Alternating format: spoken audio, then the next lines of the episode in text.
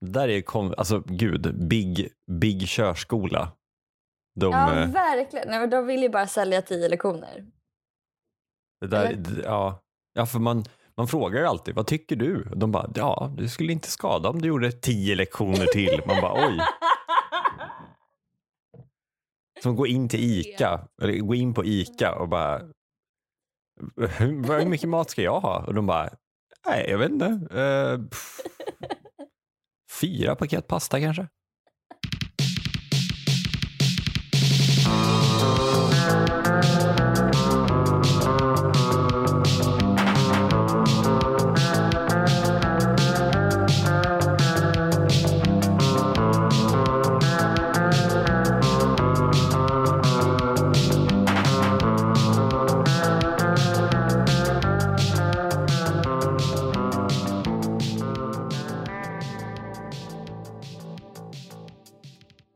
Visste du om att alla, alla dina ägg var liksom färdiga när du låg i mammas mage redan? Ah. Vilket innebär att din dotter eller ditt barn också har varit i din mamma med dig. ja men gud! Åh gud, jag blir så upprörd. Så vår dotter är ju i vecka 20 nu. Eller i vecka 20, vår dotter är i vecka 20. alltså, Ja. Eller nu är vi i vecka 22, men jag läste någonstans i, i jag tror att det är innan vecka 20 där någonstans, så är liksom vår dotter, som då fortfarande typ är stor som en knytnäve nu, alla hennes ägg är färdiga. Nej men. Det tycker jag det är lite obehagligt för sig. Ja, jo men det är lite sjukt, det är det. Ja. Ehm, jag tycker att det både är liksom vackert på något vis med så här generationer och Mm. men också, alltså så här, är vi inte mer än så? Ja, men det är också något som är obehagligt när, när bebisar är sådär liksom stora och starka, eller liksom mäktiga. Att så här, men hennes, hennes blod pumpar jättefort och hon är stor som en knytnäve och så har hon sina ägg liksom redan färdiga. Så att, Ja, du menar att man, eh, att hon är så kompetent. du behöver inte oroa dig att hon kommer komma ut därifrån och ha någonting att säga om Nipo Baby-debatten direkt. Utan Mm. Välkommen till ännu ett avsnitt av Vattnet går, en podd från, nej. Förlåt, varför måste vi killar skoja till det så fort vi pratar om barn? Kan vi inte bara få prata om barn? Välkommen till eh, Tusen saker. I den här podden pratar vi om tusen förskrivna ämnen. Jag hade ett ehm, ämne, jag hade en siffra uppskriven på en lapp. Ja, Ehm, det här är verkligen exakt Problemet så att jag förbereder mig också för podden. Jag skriver upp men- en siffra typ i min hand. I, på något kryptiskt. Det är så jag alltid tar anteckningar. Men, men att det, det är liksom bara halva, halva meningar. Alltså, jag, det, ja, men jag skriver upp eh, siffrorna på ett block som jag delar med min fru. Ett sånt här litet journalistblock. Ja. Får plats i en hand. Och det gör hon mötesanteckningar på. Jag vet inte vad som är mest liksom, användbart av hennes mötesanteckningar och, eh, och mina. Liksom, för då skriver jag typ bara siffror. Alltså jag bara Mm. skriver så här. 223 hästar suger. Typ. Mm. Jag vet inte. Men så kanske jag skriver det och sen så börjar liksom Linnea skriva minnesanteckningar. Det här till exempel har hon skrivit i minnesanteckningen där det står Johan, inga beslut om större investeringar under 2022. Och sen har hon dragit en pil därifrån och så skrivit Johan. Hon talar honom verkligen, verkligen till rätta. Johan. Borde jag vara orolig? Punkt 148. Konsumtionsilska. Hur vågar ni ha slut på tröjan jag ville köpa? Mm. Jag eh, befinner mig just nu i en renovering Mm. Och då stöter man ju på det här fenomenet en del. Att man liksom behöver en extremt specifik produkt av olika anledningar. Mm. Och jag har liksom alltid tyckt att det har känts lite fånigt när människor har suttit och diskuterat och bara, ja, nej men vi, ja, vi, vi har ingen vardagsrumsmatta just nu. Ehm, den var slut och det är 18 månaders leveranstid på den. Mm. Och då så, så bara, men 18 månader, är det liksom, är det världens bästa matta? Du ska bara börja väva den helt enkelt i Marocko. De är, det är en sån här coming of age-film som måste göras om personen som ska väva mattan först. Om mattan. Mattan ska Om- komma, komma of age. Och lära sig att, det, att den hade all styrka den behövde inom sig. ja, precis. Åh, den, den ligger på lastbilen och bara nu är jag på väg hem till min nya ägare. Och så rullar den av lastbilen. Åh nej, jag är bara en matta i skogen. Men så visade det sig att den hade styrkan den behövde för att överleva i djungeln. Jävlar. Ska den försöka ta sig eh, hem till Bromölla, till deras nya ägare. Och när den kommer fram så är den helt skitig ja, och, och då vill ägarna inte ha den. nej. Och så har den liksom kämpat och kämpat hela vägen för att komma dit. Ja. Och så måste den grubbla över, vad var hem egentligen? Vad var det som var drivkraften? Ja, Var det resan som var målet? precis.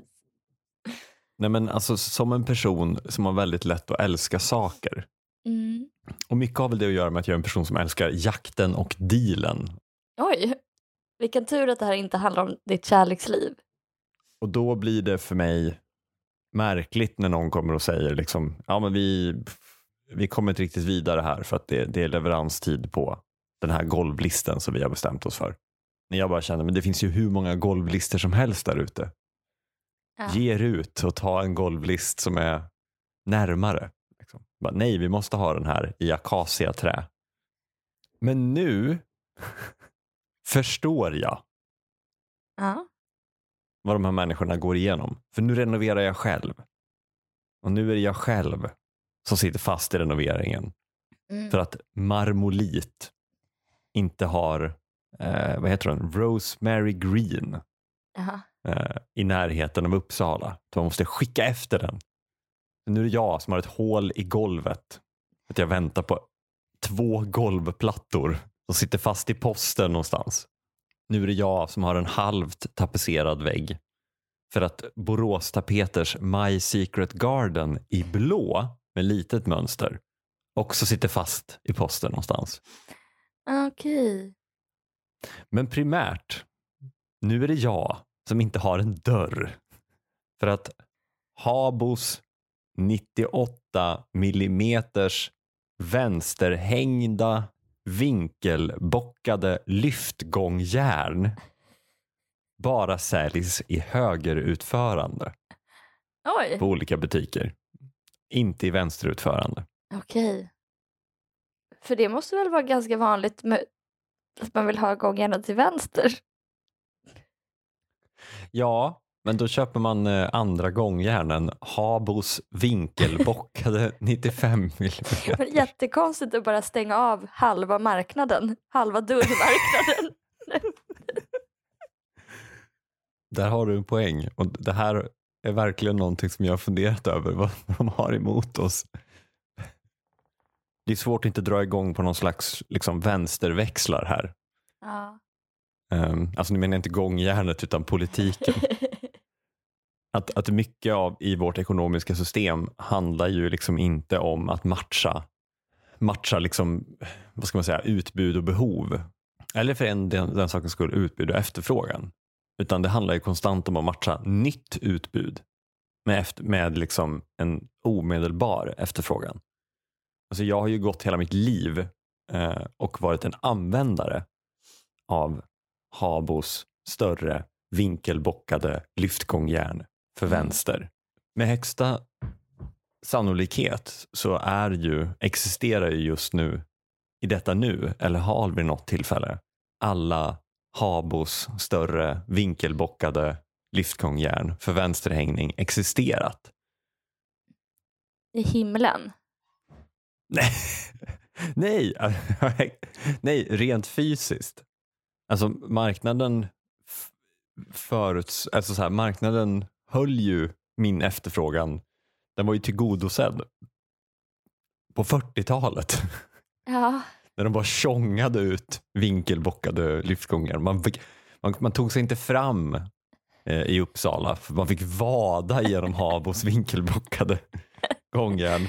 ja. Eh, men här kommer jag ridandes på min konsumenthäst Mm. och sen så finns inte exakt den produkten jag vill ha. Eller så här, den finns, men den finns inte exakt just nu. Nej, Förstår du?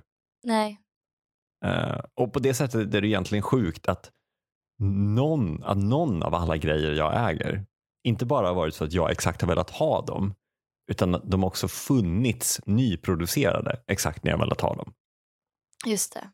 Marknaden har lyckats, alltså för, för någonstans så pratar man ju om utbud, alltså utbud och efterfrågan och, och att marknaden är bra på att tillgodose det när det kommer till konsumentvaror och ja, hur vänster jag än är så absolut, marknaden är, är bra på det. Liksom. Sen är den ju inte bra på det, tillgodose det kanske det vi behöver. Ja, Men om man lämnar den diskussionen åt sidan och bara tittar på det vi vill ha så är den ju imponerande hur bra den är på att förut, liksom, ta fram det vi vill ha ja, med tanke på att det också finns en tidsaspekt. Alltså, ja. det måste finnas nyproducerat exakt när jag vill ha det. Eller är det reklam? ja. Varorna ställer ju till med eh, spektakel eller eh, skådespel då, som, det, som Guy Debord skriver. Mm. Bara för att man ska få just den där tillfredsställelsen i köpögonblicket. Att så här, nu äntligen fick jag liksom det här som jag har trånat efter. Mm. Men det är ju inte riktigt fallet i det här exemplet kanske. Eller, eller har liksom Järnia ställt till med ett sånt spektakel där de visar upp i olika skyltfönster det är så här snurrande piedestaler med såna vänsterställda, vänsterhängda vinkel vinkelbockade lyftgångjärn. Det bara är så här rader av vinkelbockade lyftgångjärn i skyltfönstren. Så det är så här ljusshow. Klarna och arga snickaren gör något samarbete där. NKs julskyltning liksom bygger på vinkelbockade lyftgångjärn. Det, det är bara en passus. Vet du varför de heter lyftgångjärn? Mm. För att du kan lyfta av dörren.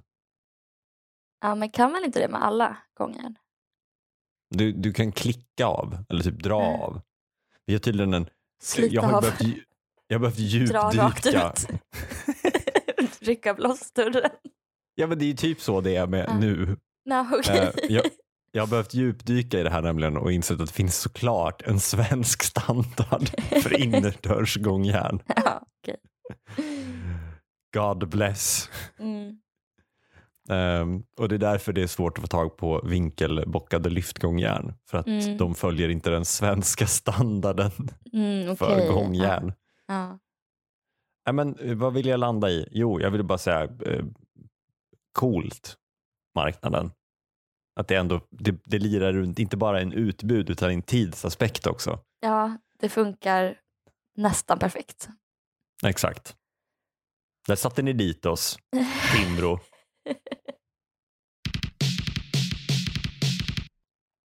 Eh, punkt 903. Uncanny Valley när saker nästan är god smak men i själva verket är dålig smak. Ooh. Jag har sett eh, Triangle of Sadness. Mm. Det är ju nästan ingen som har pratat om den. Och vilket är väldigt märkligt med tanke på att den är så otroligt aktuell. Mm. Nej, jag, jag skojar bara. Det, den är ju inaktuell och eh, alla har pratat om den redan. Har du sett den? Nej, jag, jag har inte sett den. Nej, du har Ehm, inte sett den? Åh nej, jag skulle bett dig kolla med mig. Ja, ja nej men det är, eh, nej men det, alltså Triangle of Sadness har den, den olyckliga grejen att det är en film.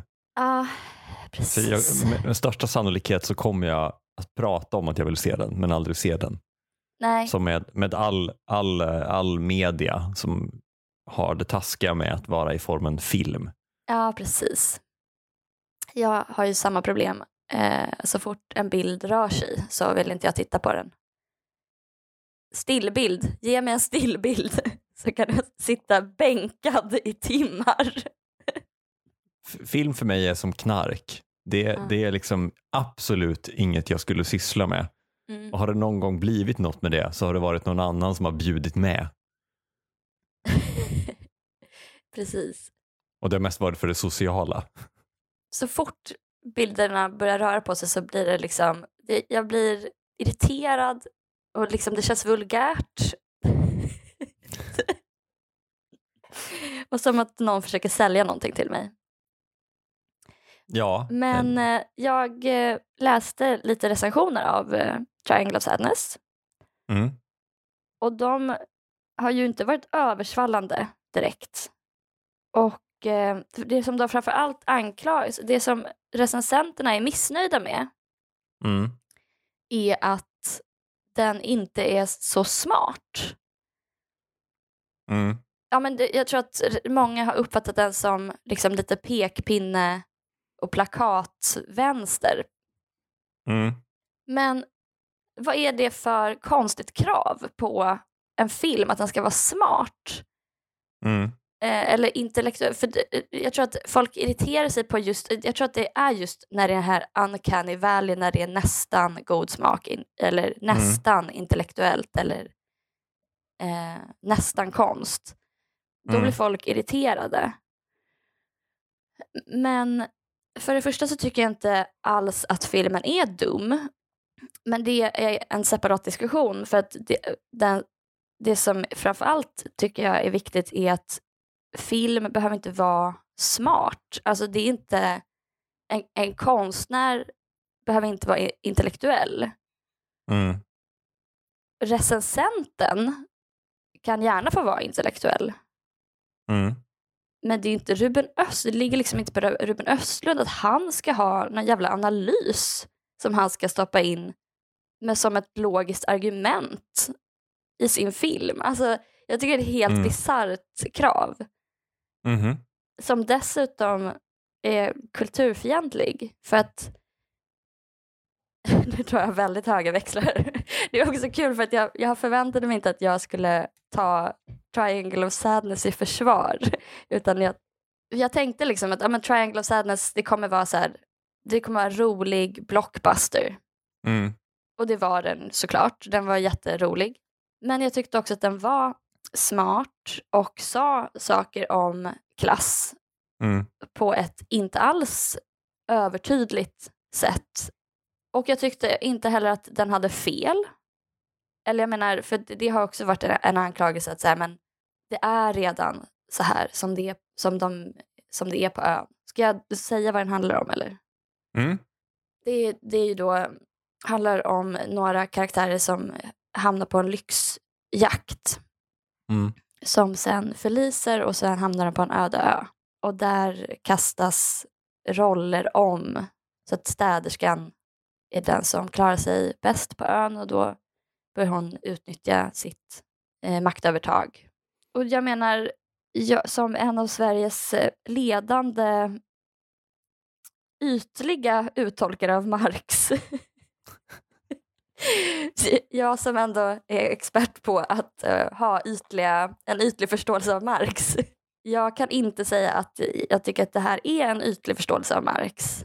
Och att, åtminstone, alltså jag tycker inte man behöver förstå mer än så här heller.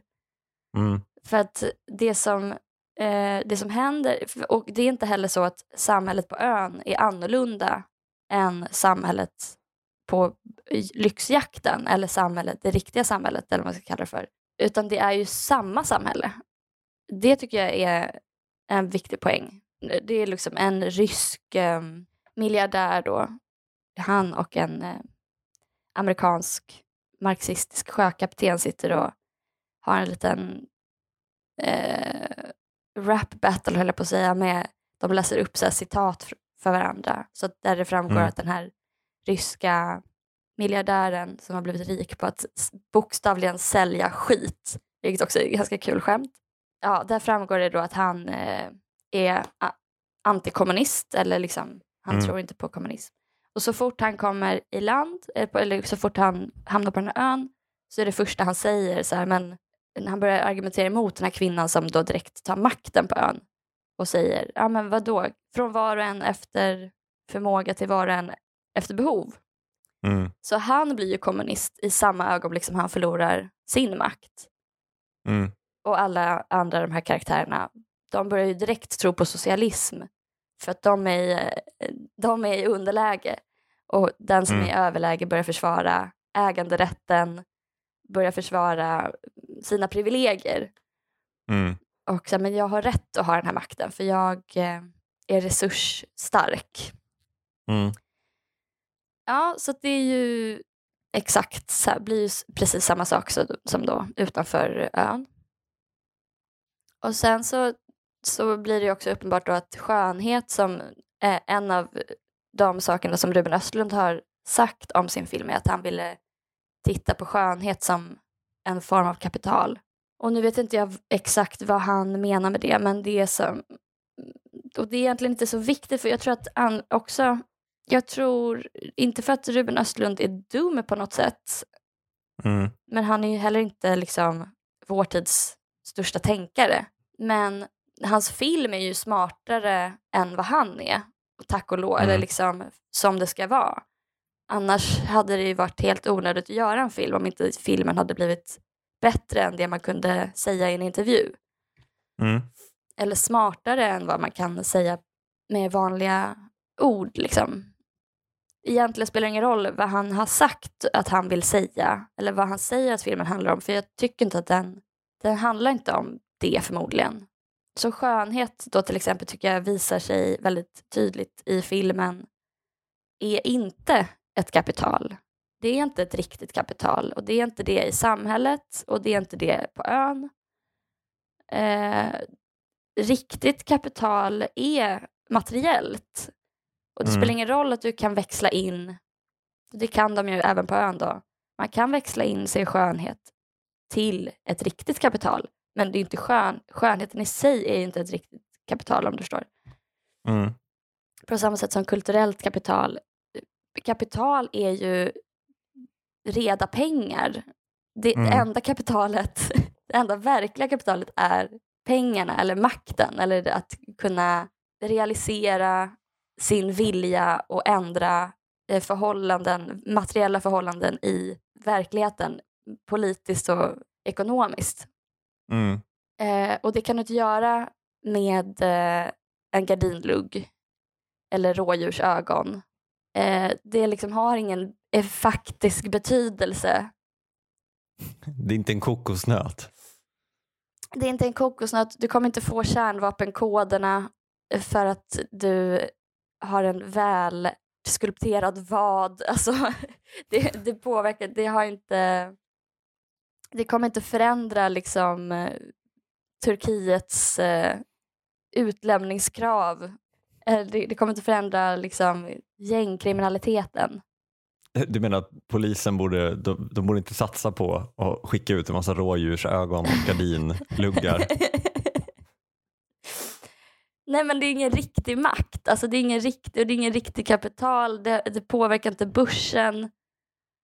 Eh, Nej, men det är väl alltså det, det är kapital som inte går att, att, som du säger, omsätta till något materiellt. Alltså du, kan, det Kan går man väl att äta för omsätta? Ja precis, det går säkert att omsätta det men då är det ju det är då du får det riktiga kapitalet.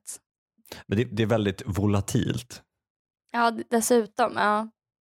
Men det är väl det som är, det är väl jätteintressant egentligen, nu vet jag inte vem som har pratat om det, men att den typen av, och, det- och, och så här, det blir en löjlig jämförelse, men det går ändå att göra jämförelsen mellan liksom världens rikaste män som många av dem egentligen inte äger några, alltså man äger inga egentliga tillgångar utan man, man äger löften om tillgångar som är värderade som har gjort dem Mm. till världens rikaste. Men de, men de, många av dem äger ju inom citationstecken bara lån. Ja. Skulle det visa att bolaget var värdelöst, då, då skulle det liksom inte det skulle inte gå att växla in till reda pengar. Liksom. Ehm, Exakt, och det tycker jag också filmen säger och det tycker jag också är sant att så här, värde skapas av arbete. mm, Eh, det som är konstigt är att Herren blir mindre och mindre fri av att förslava slaven. Alltså om, om slaven är den som arbetar hela tiden och är i kontakt med den materiella verkligheten. Herren producerar ingenting och gör ingenting av värde Mm, och mm. kommer aldrig i kontakt med den, förändrar inte den fysiska verkligheten utan det, det sker alltid medierat genom slaven. Så på ett sätt så blir slaven till slut den, ri- den som har den riktiga makten och behöver bara inse det. men ett, en- ett verkligt exempel på det är väl Vedgate, eller Bauhaus Vedgate, Ja, just det. Vedgate. om, du har hängt, om du har hängt med. Menar du att när ved sålde slut? Nej, alltså det, det var en moderat som hade varit, som la upp på Twitter häromdagen, att han hade varit på eh, Bauhaus och fyllt hela bilen med Mm. ved eh, för att kunna värma upp sin villa. Och så la han upp en bild på Twitter och skrev typ så här. Två, tre för ved, jävla sossar, Mm. typ. Um, varpå alla eh, skrev typ, köper du ved på Bauhaus, din jävla sopa. Liksom. Alltså säckved På Bauhaus, sånt nätat ved, är ju liksom den absolut, absolut dyraste veden. Alltså det är ju som om du skulle försöka få tag på ett helt paket havregryn genom att springa till 7-Eleven och köpa såna här enstaka färdiga grötförpackningar. Och så blir det en diskussion om att stockholmare inte kan köpa något som inte är i en app Mm, och färdigpaketerat. Eh, och behovet av då tjänare som kommer emellan då, om man ska gå tillbaka till din dialektik som du tog upp, alltså som går emellan för stockholmare och, och så. Här är ved, kära Mm. mästare. Eh, nu tror jag i och för sig att den här personen mest köpte ved för att göra ett statement, men Ja. eh, har du råd med Bauhaus ved har du råd med din elräkning. Mm. Men ehm, så roligt att vi börjar prata om det här som en lyxvara. ja. Som om det vore tysk designved. Ja, Ja. Bauhausved. Nej, men det blir roligt bara då för att då, då har de ju inget, alltså då saknar man ju en verkligt kapital. Alltså, eller materiella förutsättningar. Alltså det materiella förutsättningar för att hålla sig varm och överleva. Liksom. Mm, mm, mm, precis. Och så, så är det i verkliga världen och så är det i, eh, på den här ön. Så att det är liksom, eh, jag förstår inte vad, vad, det, vad det skulle vara som är så, liksom en, vad det är som en ytlig förståelse av Marx. Jag tror Marx skulle ju snarare bli upprörd av eh, att ehm, folk tycker att han är avancerad. För han, jag tror inte han, eh, han tycker inte att det är avancerat. Det är liksom väldigt eh, självklart och intuitivt. Liksom. Eller hans mål tror jag i alla fall är så här, och som han skriver i något brev till Engels att liksom, de enda som inte förstår min bok är ekonomer. Mm. Men eh, eh, arbetare har inga problem att tillgodogöra sig min bok. Eh, inte ens kapitalister har några problem att förstå min bok. Men skitsamma, men det som framför allt irriterar mig är det här underförstådda kravet på konstnären att konstnären ska vara intellektuell. Mm. Och recense- alltså att, att be en konstnär vara intellektuell istället för att säga någonting intellektuellt själv Mm. när det är ens roll. Jag tycker att recensenten har i uppgift att säga någonting smart och säga någonting, Mm. tolka verket på ett intellektuellt sätt. Mm. Men gå fan inte till Ruben Östlund och säga att det saknas, eh, eh, det saknas analys. Det är ju det är ditt jobb Mm. att analysera. Filmen kan väl inte presentera en analys som är färdig då är det ju inte en film. Men Eller då liksom, är det ju dummare. då, är då det, dum, en- då är det dumt. Ja. Men i, i nyinspelningen av Karl-Bertil Jonsson, Ja. en film jag faktiskt har sett, ja. då mitt i så kommer ju karaktären som spelar Peter Pan. Ehm, Mm. nej, inte Peter Pan, eh, Robin Hood. Mhm. Ja, dessa män i gröna trikåer. Eh, personen som spelar Robin Hood kommer mitt i filmen och bara Alltså det mest effektiva sättet att hjälpa fattiga är ju ett progressivt skattesystem. Du ti- typ tittar in i kameran och säger det och sen bara går ur bild. Ja.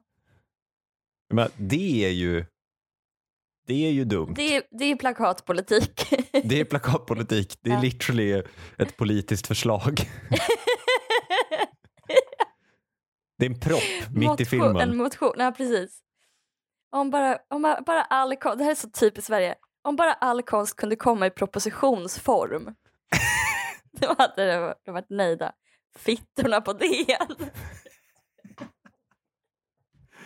Varför var det inte ett, ett, liksom en proposition mitt i Triangle of Sadness om Jag kan inte tillgodogöra mig någonting som inte liksom har gått igenom på remissrunda och gått igenom lagrådet. Vi kanske måste plocka ihop vårt lilla kubbspel här. Konstig metafor. Ja, det känns ju lite så när man startar en diskussion. Eller som man skjuter ut en konfettikanon man sopar upp. Man vet att det kommer ligga kvar konfetti på golvet. Man måste bara förlika sig med det. Ja, precis. Tack för den här veckan, Kim Eklöf. Tack Ellen Theander. Vi kommer ut på tisdagar klockan sex på morgonen. Lagom till morgonlöprundan. Hej då!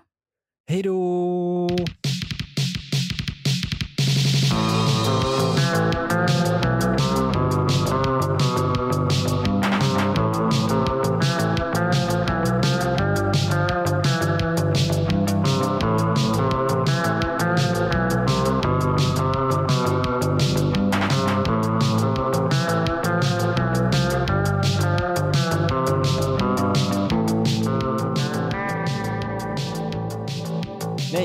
Här var det. Hon hade en glitterklänning och var på, alltså Ah. så här paljett eh, med massa paljetter på. Eh, och så var hon på Mm. en fest. Och den här eh, klänningen släppte paljetter så det stod härliga till så att hon hittade ju paljetter överallt efter att hon Mm. hade haft den på sig. Inklusive i sig själv en vecka senare. När hon hade samkväm. Det är alla strömtjej. Det kommer liksom glitter ur fittan. Paljett.